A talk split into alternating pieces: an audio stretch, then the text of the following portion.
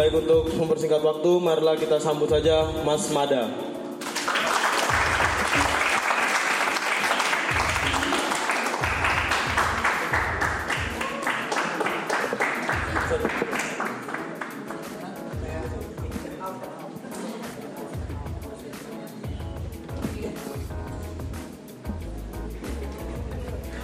Ya tadi saya sudah sempat membacakan CV dari Mas Mada sendiri.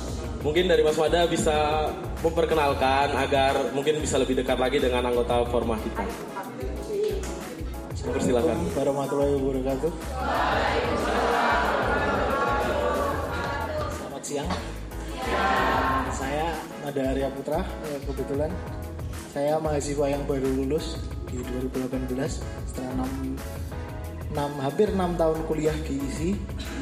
Eh, ini adalah Lakar Dowo Mencari Keadilan itu adalah karya pertama saya eh, sekaligus tugas akhir perkuliahan saya untuk ibaratnya skripsi kalau nah ya untuk eh, hasil yang sekarang itu benar-benar di luar ekspektasi kami eh, dan ke depan saya dan Linda eh, concern untuk membuat film dokumenter sejauh Udah,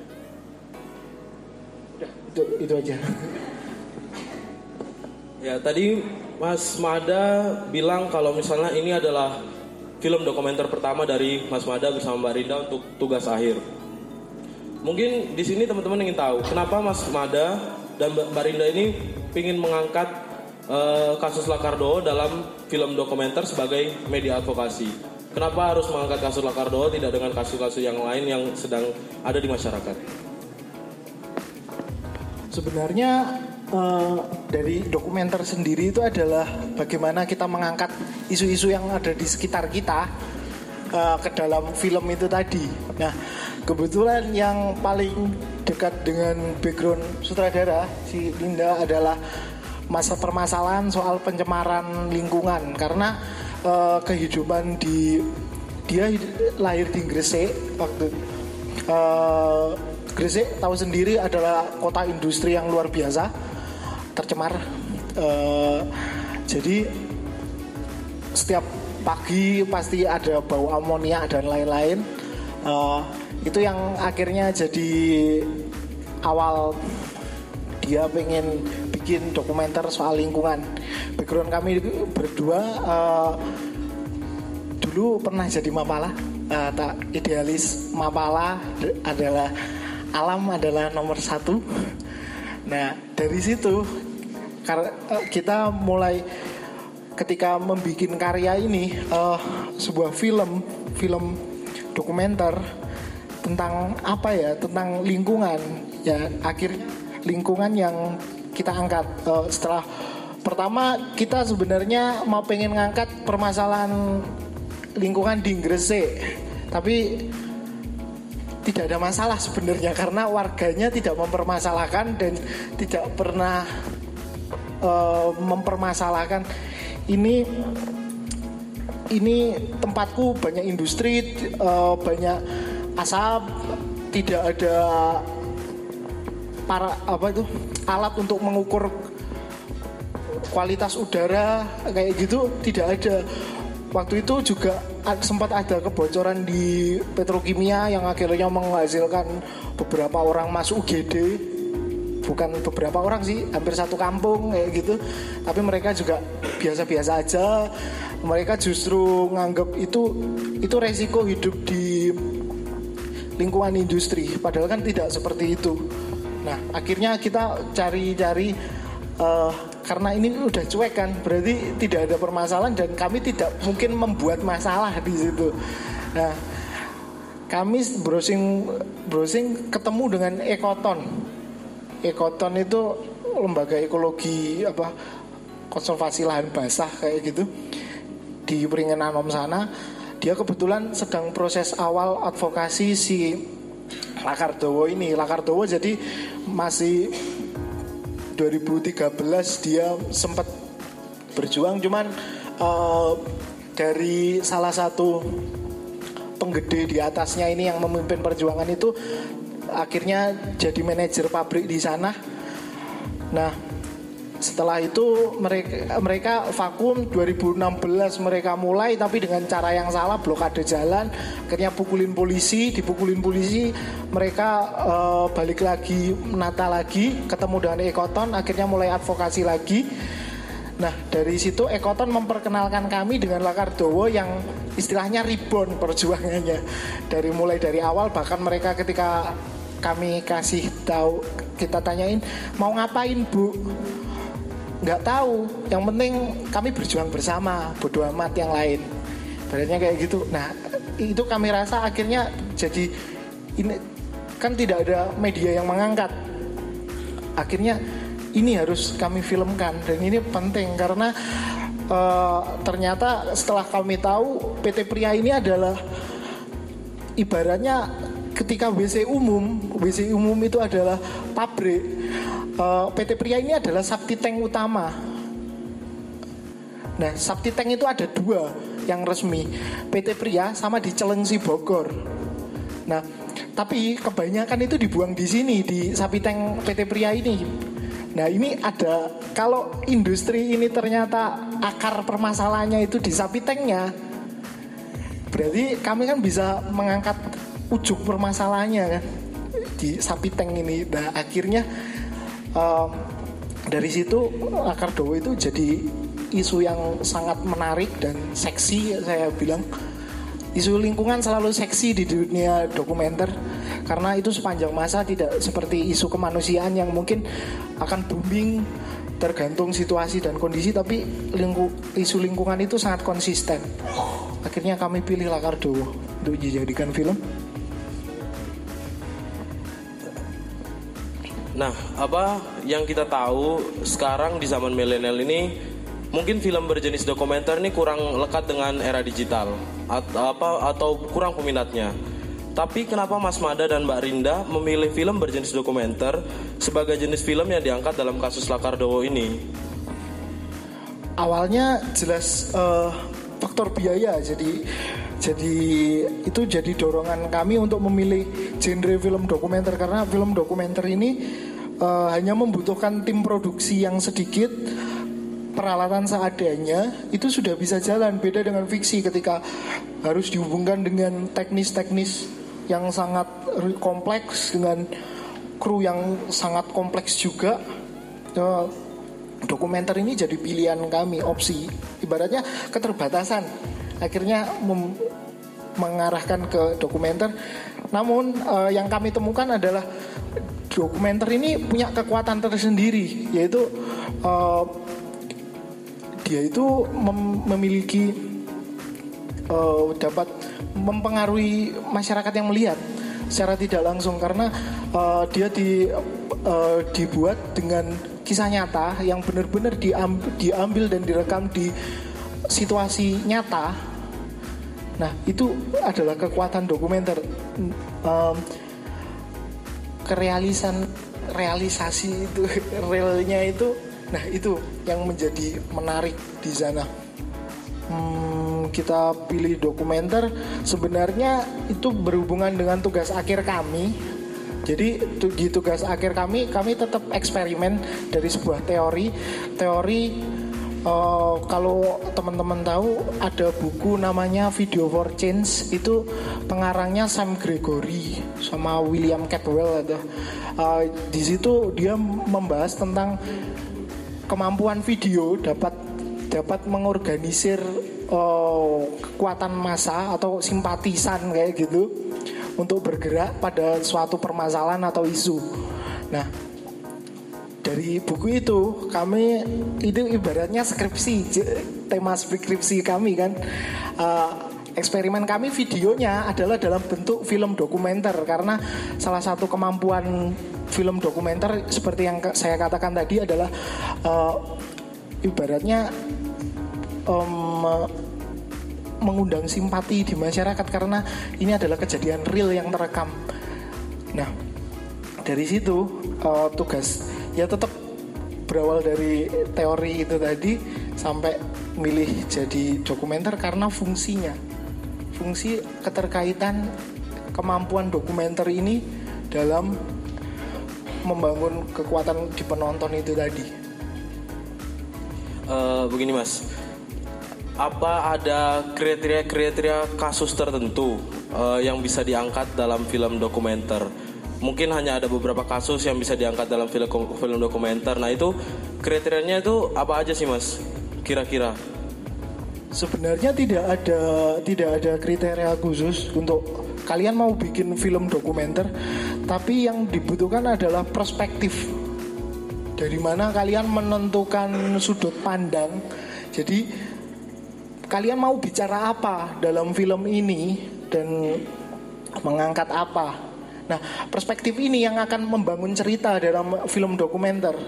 Ketika saya eh, dan Linda berusaha membangun uh, membuat perspektif seperti inilah perspektif ketika uh, orang mencari keadilan atas lingkungannya yang tercemar. Nah, itu kami bangun dalam 60 menit durasi 60 menit lebih sedikit itu dalam uh, film Lakardo mencari keadilan. Nah, itu yang saya maksud dengan perspektif.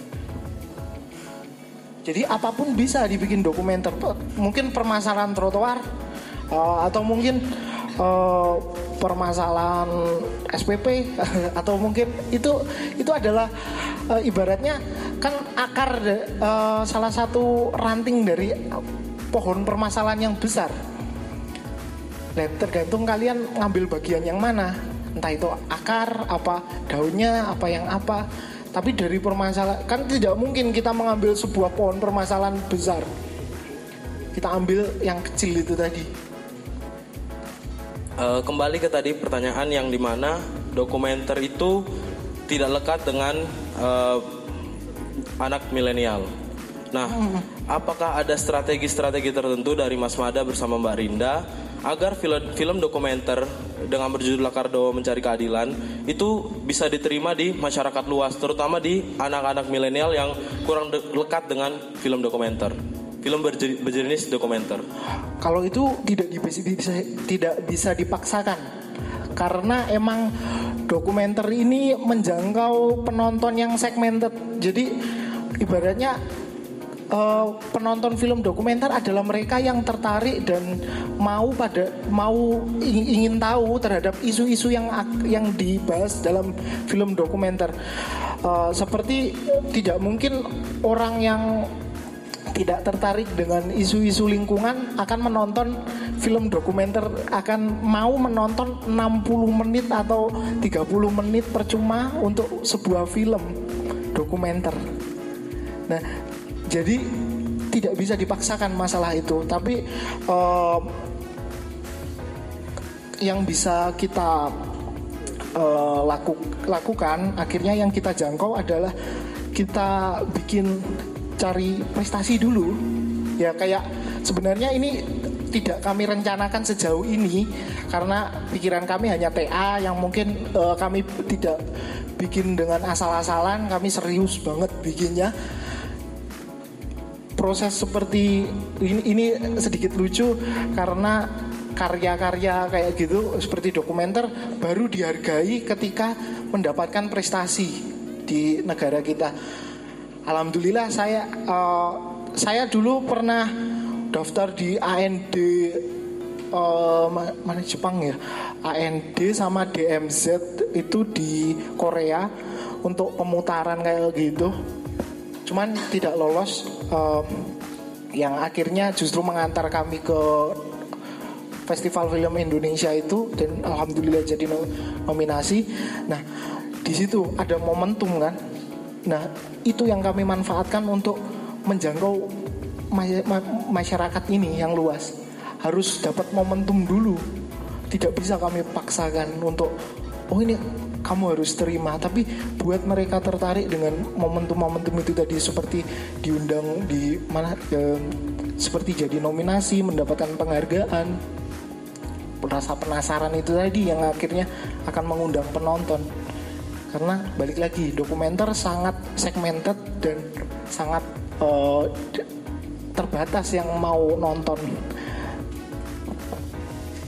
Nah, Mas, apa yang kita tahu dalam sebuah film itu pasti ada intrik-intrik tertentu untuk membuat film itu lebih bagus atau ceritanya itu uh, lebih diminati gitu oleh para penonton.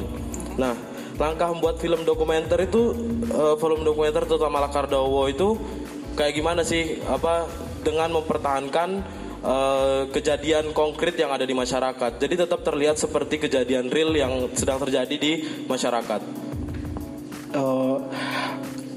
Tidak semua hal dapat terekam. Itu yang harus kita sadari dalam pembuatan film, terutama dokumenter. Tidak semua hal dapat terekam. Jadi tetap dokumenter ini adalah perspektif yang saya buat dari rekaman saya, ibaratnya. Uh, tapi karena rekaman ini real uh, dan saya mengalami kejadian itu, nah di situlah saya menyusunnya untuk menjadi sebuah rentetan gambar yang dapat sekiranya menggambarkan tidak bisa men menjadi saksi asli seperti kita melihat langsung tapi minimal menggambarkan kejadian nyata di sana. Jadi kejadian itu melalui mata dan perspektif saya saya tuangkan dalam rekaman dari rekaman gambar itu ter, menjadi sebuah tayangan. Intinya seperti itu. Lalu eh, hambatan-hambatan apa yang Mas Mada dapatkan ketika membuat film dokumenter ini? Seperti tadi Mas Mada katakan bahwa tidak semua dapat direkam, ada ada yang mendapat halangan ketika merekam. Nah itu Mas Mada di situ melakukan hal, hal seperti apa agar tetap bisa menunjukkan ini loh kejadian yang terjadi di hmm. masyarakat. Uh, jadi yang pertama dilakukan dalam pembuatan dokumenter adalah kalian harus ada namanya riset riset lapangan kayak gitu kan. Tetap tetap kayak kita bikin literatur atau lain sama cuman medianya adalah media audiovisual. Jadi kalian riset membaur dengan warga dan merasakan real. Ini waktu saya mengikuti warga ke mana ke KLHK waktu itu warga yang belum tahu apa-apa ini asal KLHK membawa hasil lab uh, lab air dari sumur mereka yang mereka labkan di Jasa Tirta waktu itu. Namun ditolak akhirnya sama KLHK karena katanya Jasa Tirta itu nggak valid. Padahal mereka sendiri yang bikin lisensinya. Uh, terus ya saya juga harus hidup dengan subjek utama saya untuk menggambarkan bagaimana kehidupan di sana, saya juga harus merasakan bagaimana sih hidup di sana. Karena tadi perspektif itu harus dibangun sudut pandang. Nah, bagaimana saya bisa membangun perspektif itu kalau saya tidak merasakan hidup di sana? Nah, akhirnya saya harus partisipatori. uh, itu saya dua minggu tiga minggu tinggal di sana nggak syuting ya cuman tinggal aja merasakan bagaimana tuh warga bagaimana tuh ketika mereka proses ibaratnya uh, advokasi untuk keadilan mereka ini ya saya uh, ikut dia ke kebun kayak gitu nggak apa-apa. Ini adalah proses terus baru mul mulai syuting uh, saat pengambilan gambar oh, karena kita sudah terbiasa membaur dengan warga kita pun uh, jadi seperti warga kan pada akhirnya. Nah di sini ini saat pengambilan gambar waktu. Kalau teman-teman lihat film yang apa yang polisi marah-marah untuk wisata limbah itu ini prosesnya. Selebihnya kurang lebih seperti itu.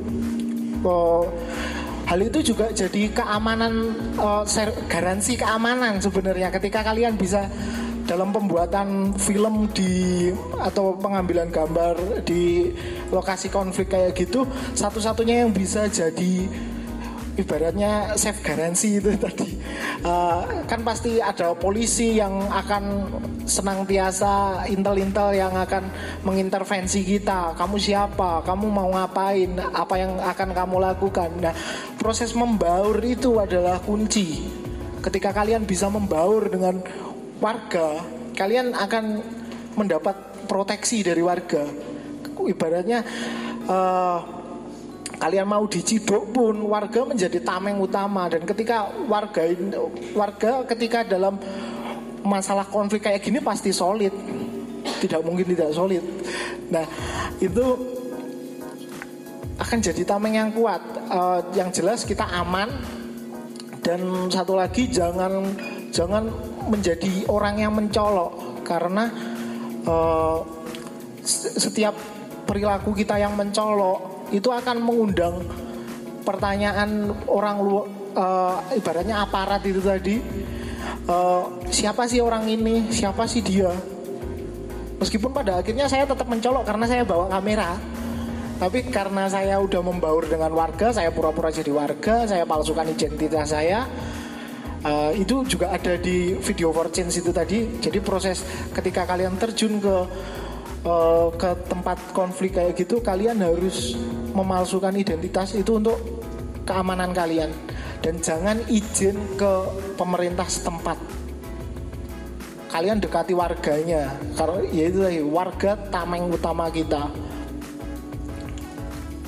Kalau kalian izin ke pemerintah percuma, kalian akan diusir, kalian akan dilaporin polisi, polisinya datang, kalian dimarah-marahin, ujung-ujungnya dianterin pulang. Nah, saya s- proses tiga minggu itu saya dekatin warga satu-satu. Yang penting saya harus akrab dengan satu dusun. Jadi setiap malam saya begadang saya yang jarang ngerokok harus ngerokok untuk eh, apa untuk proses proses akrab biar akrab saya yang eh, ya dari kebiasaan anak kos kan pasti main kartu dan lain-lain jago kan mainkan itu apa saja yang kita punyai itu mainkan dengan warga. Maksudnya kemampuan kita. Saya bisa main kartu. Ya udah saya main kartu dengan warga. Itu untuk menjalin keakraban. Jadilah kalian warga jangan mengeksklusifkan diri. Kuncinya di situ. Waktu perekaman kayak gitu kita itu tetap harus jangan terlalu berani tapi ya jangan jadi penakut maksudnya ketika kalian dihadang polisi terus kalian sok berani kayak gitu itu jangan jadi itu justru akan jadi bumerang karena itu akan jadi alasan polisi untuk bi- bilang kalian itu provokator jadi lihat situasi kondisi kalian berani posisinya di mana dan kalian harus takut di posisi apa. Eh, saya ada ada dua rekaman. Ini ini saya harus takut karena ini posisi saya di desa sebelah dan polisi waktu itu rame-rame pencabutan spanduk dukungan warga. Eh, saya tidak mendapatkan backup backup dari warga. Saya sendiri waktu itu. Jadi di sini kan ini rame-rame eh, ada ada polisi kayak gitu. Saya lihat situasi ada ada warga nggak di belakang saya. Ketika ada, saya tetap maju. Oke, saya lakukan perekaman karena di depan saya lihat ada ada apa eh, polisi sedang melakukan ar- adu argumentasi. Tapi di sini saya sebenarnya sudah mulai ragu karena warga banyak warga yang dari desa Lakardowo yang saya kenal itu banyak yang mundur. Dan ini posisi di desa sebelah, tepatnya di desa Kemuning waktu itu.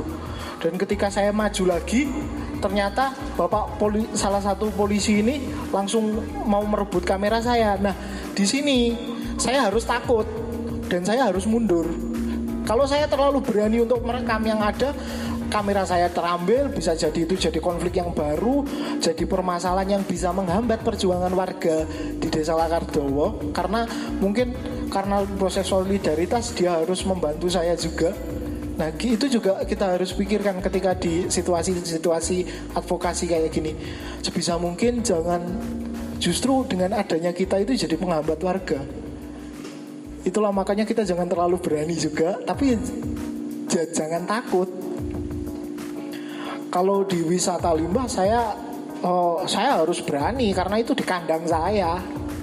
Dengan backup warga sebanyak itu mau polisinya ngerebut kamera saya, saya pasti menang di situ. Nah, ibaratnya gitu. Tempatkan posisi kalian. Itu yang paling penting. Oh sorry, soal uh, ini kan tadi untuk pengambilan gambar ya. Uh, untuk proses edit uh, dari pengambilan gambar kayak gitu kan random sekali nih. Random sekali. Nah dari situ harus tetap disusun sebuah cerita. Nah cerita itu waktu itu saya menggunakan sebuah teori. Jadi teman-teman kalau bikin apa-apa tetap teori itu jangan dikesampingkan. Teori itu ada ibaratnya kalau kita cari jalan itu adalah GPS kita biar nggak kesasar. Uh, saya ada waktu itu teorinya namanya Hayu Siso itu adalah susunan penyusunan dalam uh, format video. Jadi Hai adalah untuk memperlihatkan ibaratnya kayak korban-korban, kayak kejadian permasalahan secara langsung tanpa narasi apa pun. Jadi ini kejadian dan ini yang sudah terjadi. Terus you you itu adalah siapa yang mengalami kejadian itu? Si apa yang mereka lakukan untuk menanggulangi kejadian yang hai tadi. Uh, so uh, you see so yang terakhir adalah apa yang mereka dapat itu ada uh, ibaratnya susunannya itu bisa berlaku sebenarnya itu saya dapat teorinya dari jurnal waktu itu jurnal tahun berapa? 2007 apa? Dari Indox. Indox itu sebuah uh, uh, film durasi panjang. Uh, saya akan uh, memperlihatkan ini perbedaan antara jurnalis dan film dokumenter. Uh, ini diambil dalam kejadian sama. Kalau teman-teman lihat uh, dari tayangan yang sebelumnya itu kalian didikte dengan dubbing. Jadi produk jurnalistik itu mendikte, mendikte sebuah perspektif.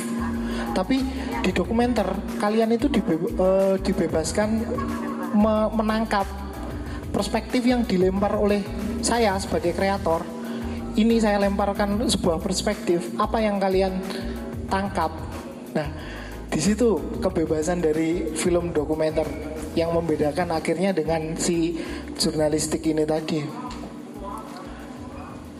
Oh, kebetulan genre dari jenis dari film dokumenter saya ini adalah jenis observasional di mana tidak ada dikte itu tadi uh, perspektif saya lempar ke penonton dan penonton sendiri yang akan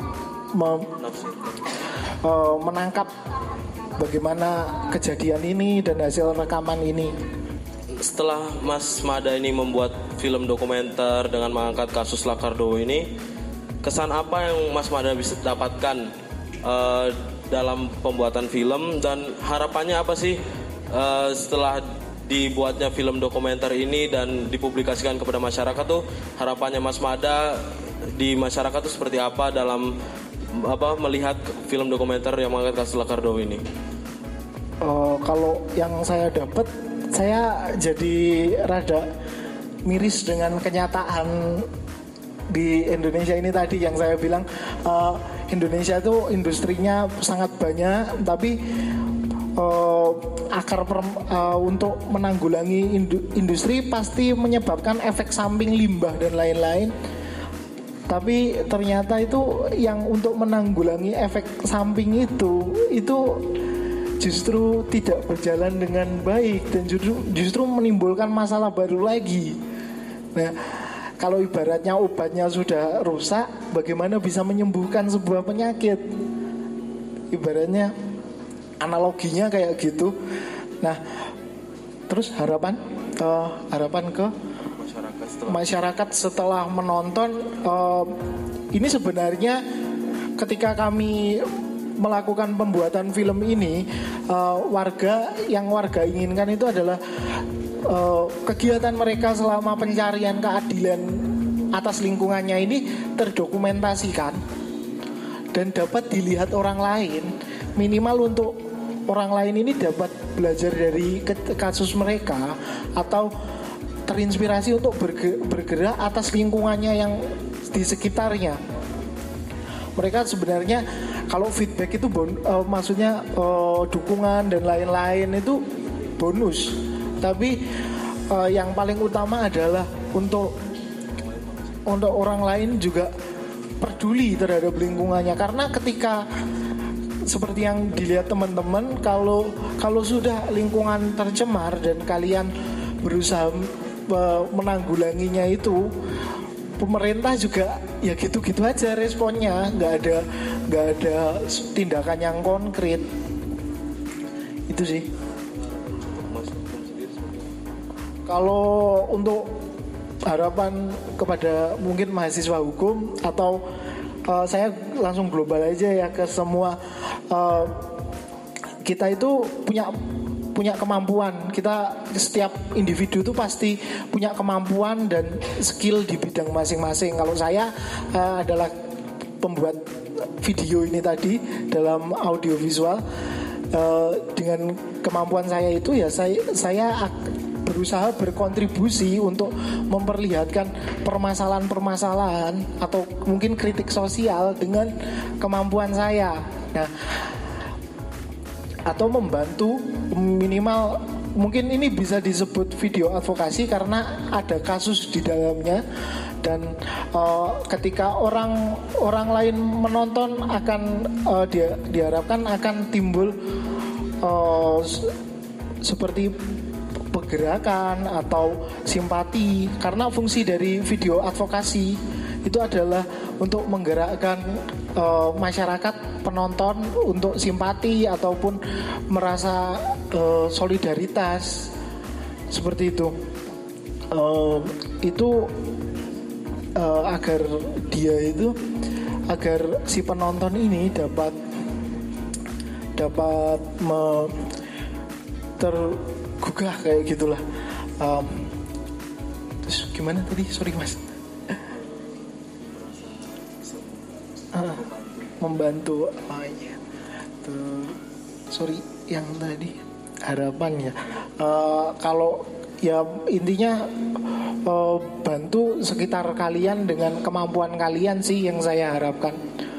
Uh, bukan hanya tentang lakar Jawa bukan hanya tentang apa pun tapi kita lebih uh, lebih peka lah terhadap sekitar kita. Karena uh, itu adalah proses abdi mengabdi untuk negara kita sebenarnya. Dengan kita uh, melaku, melakukan sebuah kontribusi kontribusi dalam bentuk apa pun. Bisa dalam bentuk ya seperti saya yang membuat film ini. Uh, kalau mungkin teman-teman bisa membuat jurnal literatur yang nantinya akan dilihat orang dan itu akan menjadi edukasi atau menggugah orang lain. Itu sih mas. Ya mungkin cukup sekian. Mungkin dari teman-teman sendiri ada yang mau bertanya? Persilahkan ya mas Salut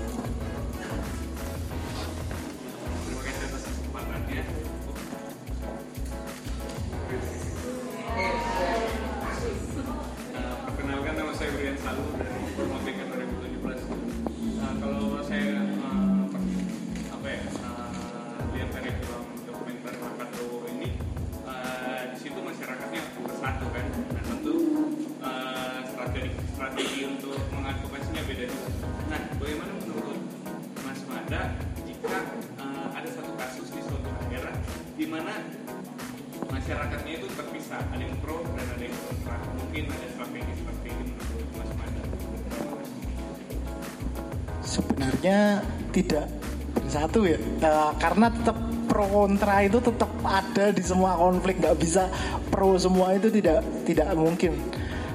Karena ya itu tadi perspektif orang berbeda-beda tidak mungkin sama. Nah uh, ini saya jawab dalam ranah saya pembuatan film dan lain-lain. Kembali lagi kita harus tetap menentukan perspektif yang dipilih. Dan itu tetap harus paling dekat dengan kita. Jadi karena saya masyarakat umum dan saya uh, background saya uh, rumah keluarga saya juga petani. Ketika seandainya saya berpikir seandainya yang dapat permasalahan itu adalah keluarga saya bagaimana? Nah itu yang uh, akhirnya menjadikan ke mana sih perspektif ini harus saya bangun?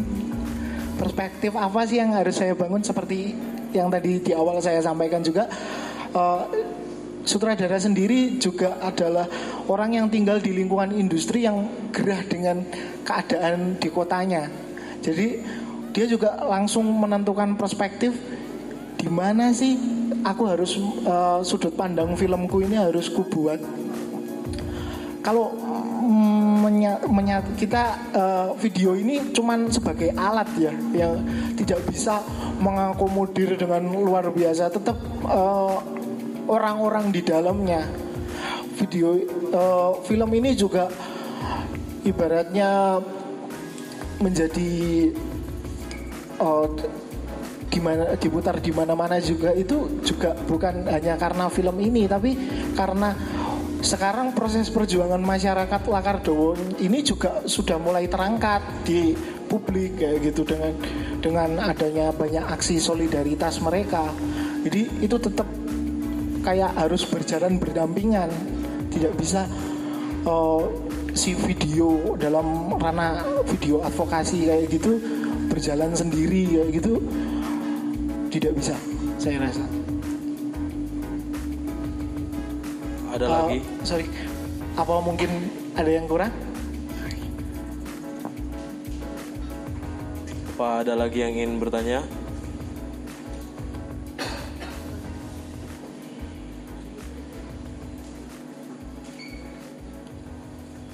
ya dipersilakan Mas Oki terlebih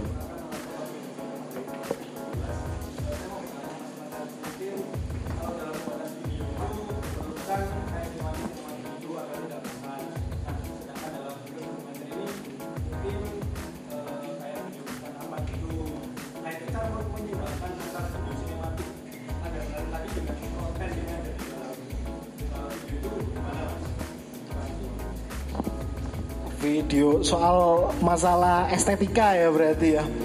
Uh, estetika tidak uh, terkadang dikesampingkan harus di sebuah film dokumenter karena juga akan jadi ironi juga ketika kita membuatnya indah padahal yang kita sampaikan di sini adalah uh, ratapan kesedihan seandainya dibuat indah, nah estetikanya estetika yang seperti apa? Estetika tidak harus indah dalam tatanan tatanan harus rapi atau gimana atau balance atau pattern atau dan lain dan lain-lain. Tapi ketika estetika itu menurut saya pribadi uh, adalah ketika itu dapat menggambarkan situasi dalam dokumenter ya, dapat menggambarkan situasi dalam kejadian yang saya gambarkan itu tadi. Uh, makanya kebanyakan dalam film saya akan banyak kamera yang seperti goyang kayak gitu. Emang chaos. Ketika chaos ya saya buat chaos. Ketika uh, itu dia sedang dalam apa lingkup yang santai ya saya kamera akan still menandakan uh, ini sedang santai. Nah, pengambilan estetika itu juga sesuai dengan ritme, ritme ritme dari film yang ingin dibangun. Uh, ketika suasana yang ingin dan ritme yang tinggi, uh, mungkin perpindahan gambar akan cepat. Dengan akan akan ada suara-suara yang oh, chaos dari kanan kiri di audio akan rame itu ya, ya estetikanya untuk menggambarkan saja uh, kalau kalau selebih mungkin um, uh, karena saya ingin memperlihatkan situasi seolah penonton penonton ikut atau diajak ayo ke sini ini ada warga lagi kayak gini. Uh, itu saya sering ngambilnya pasti uh, kamera saya mengikuti dari belakang terus orangnya jalan baru ke sebuah kejadian nah di situ juga ada ada tatanannya nah tatanan-tatanan itu yang sebenarnya dibangun tidak tidak mesti estetika sebuah keindahan tapi estetikanya itu sebuah tatanan untuk menyampaikan uh, perspektif saya sesuai dengan alur itu tadi. Tadi Mas Bagas. Sorry, rada ribetkah bahasa saya? ya. Ada lagi yang pertama Mas Bagas ya.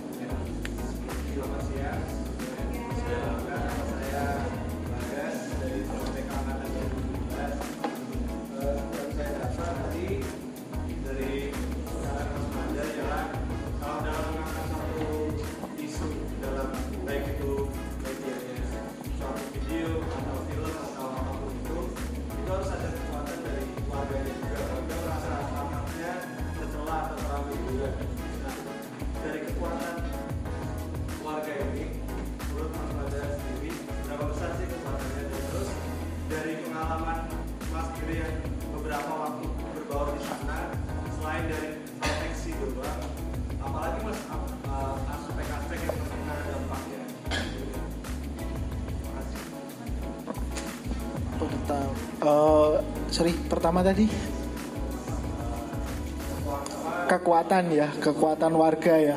Um, soal kekuatan war kekuatan warga? Gimana? Sorry. Ah.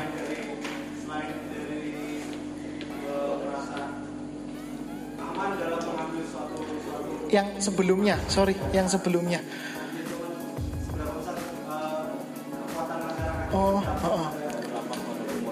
pada karya ini ya. Oh.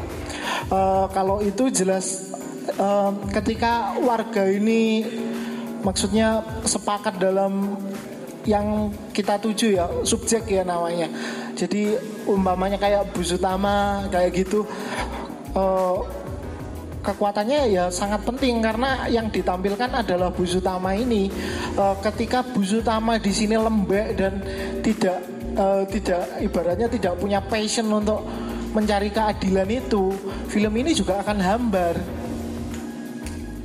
Tapi kan tidak si bus utama ini meledak-ledak yang dia dia punya passion yang sangat kuat dan pikirannya hanya tertuju fokus pada satu uh, lingkungan dia terbebas dari limbah B3 PT pria.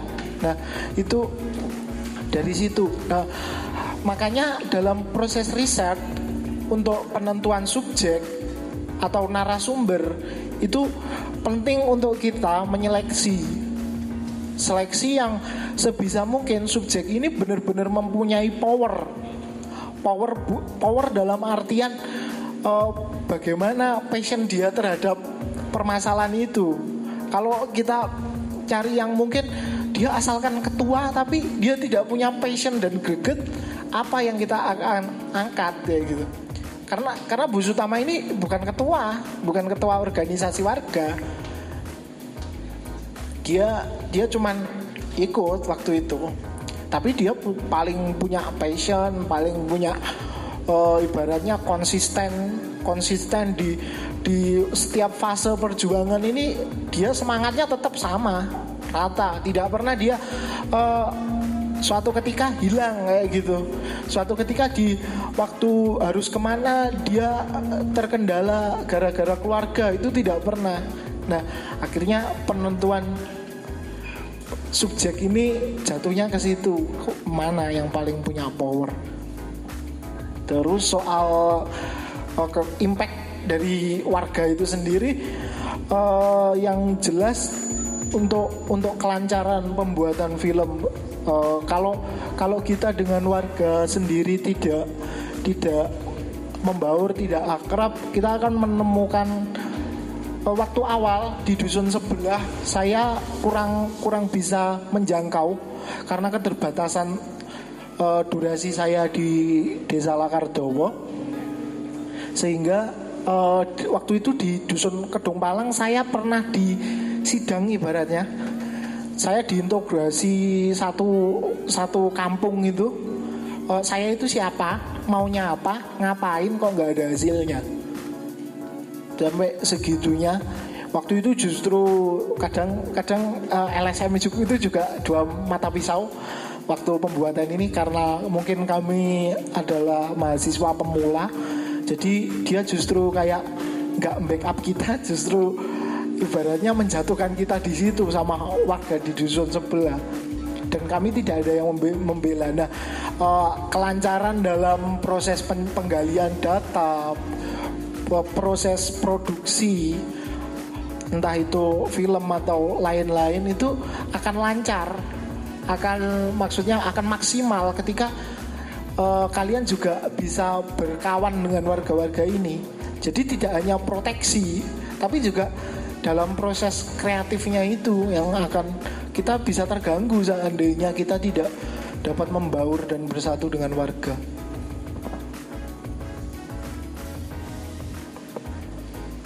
Ada lagi yang ingin bertanya? Ya dipersilakan Mas Jose. Ya selamat siang teman-teman. Selamat siang Mas Mada. Nama ya. saya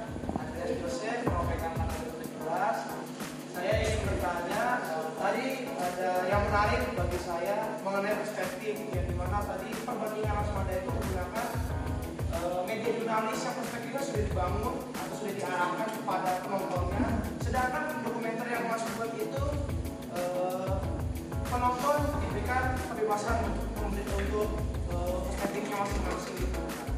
Tadinya saya sempat berpikir mas, ketika kita penontonnya disuguhkan untuk kalian kalau perspektif kalian masing-masing itu tadinya saya menilai logikanya harusnya pro dan kontra dong ketika kita melakukan ini karena perspektif itu uh, sifatnya random lah. Jadi kita sendiri. Nah tapi dalam film ini uh, dari perspektif yang mas buat secara bebas banyak uh, yang menonton film ini akhirnya menjadi simbol perlawanan atau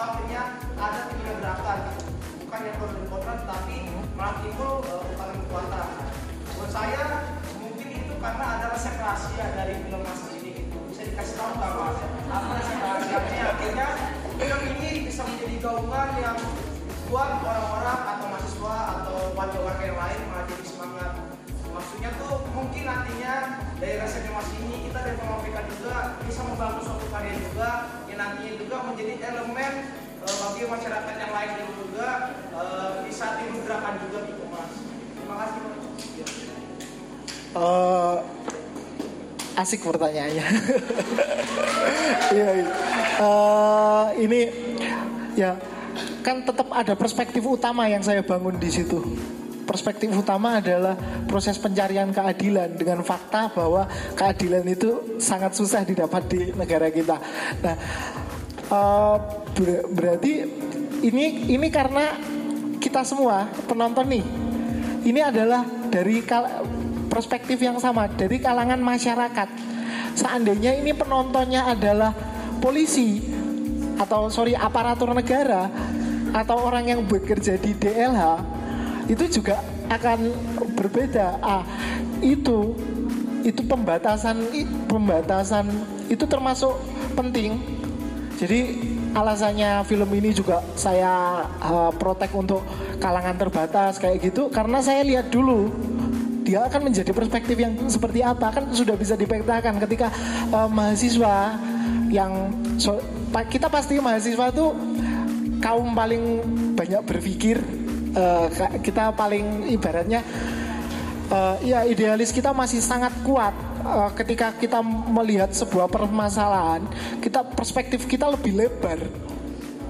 Nah ketika perspektif lebar itu ketika menangkap perspektif saya yang saya lempar itu kemungkinan akan menjadi feedback yang sama. Satu jalan. Itu juga karena anda dari kita atau kita ini dari kalangan masyarakat bukan dari tentara atau mungkin polisi itu tadi. Uh, akan jadi pro dan kontra mungkin ketika ini ditonton oleh orang-orang industri uh, atau orang KLHK karena mereka pasti akan mendefense tidak seperti itu. Keadilan ada. Nah di situ bu, bukan resep sebenarnya. Uh, ya lebih mungkin proses selektif memilih penonton itu juga penting dalam dokumenter. Akhirnya ada batasan-batasan itu tadi. Untuk untuk supaya uh, supaya ini tidak menimbulkan pro dan kontra tapi hanya pro. Maka saya harus menciptakan iklim penonton yang seperti apa siapa penonton yang saya tuju. Itu juga harus harus jelas dan terorganisir.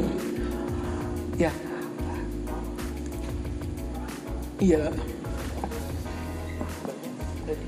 Lanjut tadi Mbak Amang oh. Oh. eh. Ada lagi yang ingin bertanya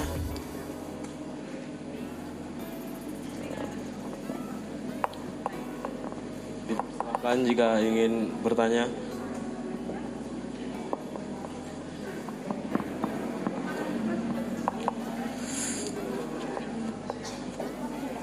Ya mungkin jika tidak ada yang bertanya dalam diskusi kali ini bisa diambil kesimpulan bahwa film dokumenter itu mempunyai kekuatan yang di mana nyata yang diangkat bisa membuat masyarakat lebih merasa bahwa kejadian ini ada dan perlu diperhatikan. Dan yang dibutuhkan dalam pembuatan film dokumenter kasus di masyarakat ialah perspektif karena perspektif itu sendiri dapat membangun sebuah cerita di film tersebut. Dan dalam film dokumenter itu diperlukan riset karena agar mengetahui kasus yang terjadi di masyarakat seperti apa dan harus membaur dengan warga agar dapat agar dapat mendapatkan kekuatan dari masyarakat itu sendiri agar bisa melancarkan proses pembuatan film ini sendiri dan terutama pada pengambilan estetika yang ada di film dokumenter disesuaikan dengan ritme uh, dengan ritme yang ada karena estetika itu hanya sebagai penggambaran saja dalam film dokumenter. Ya mungkin itu sekian dari saya.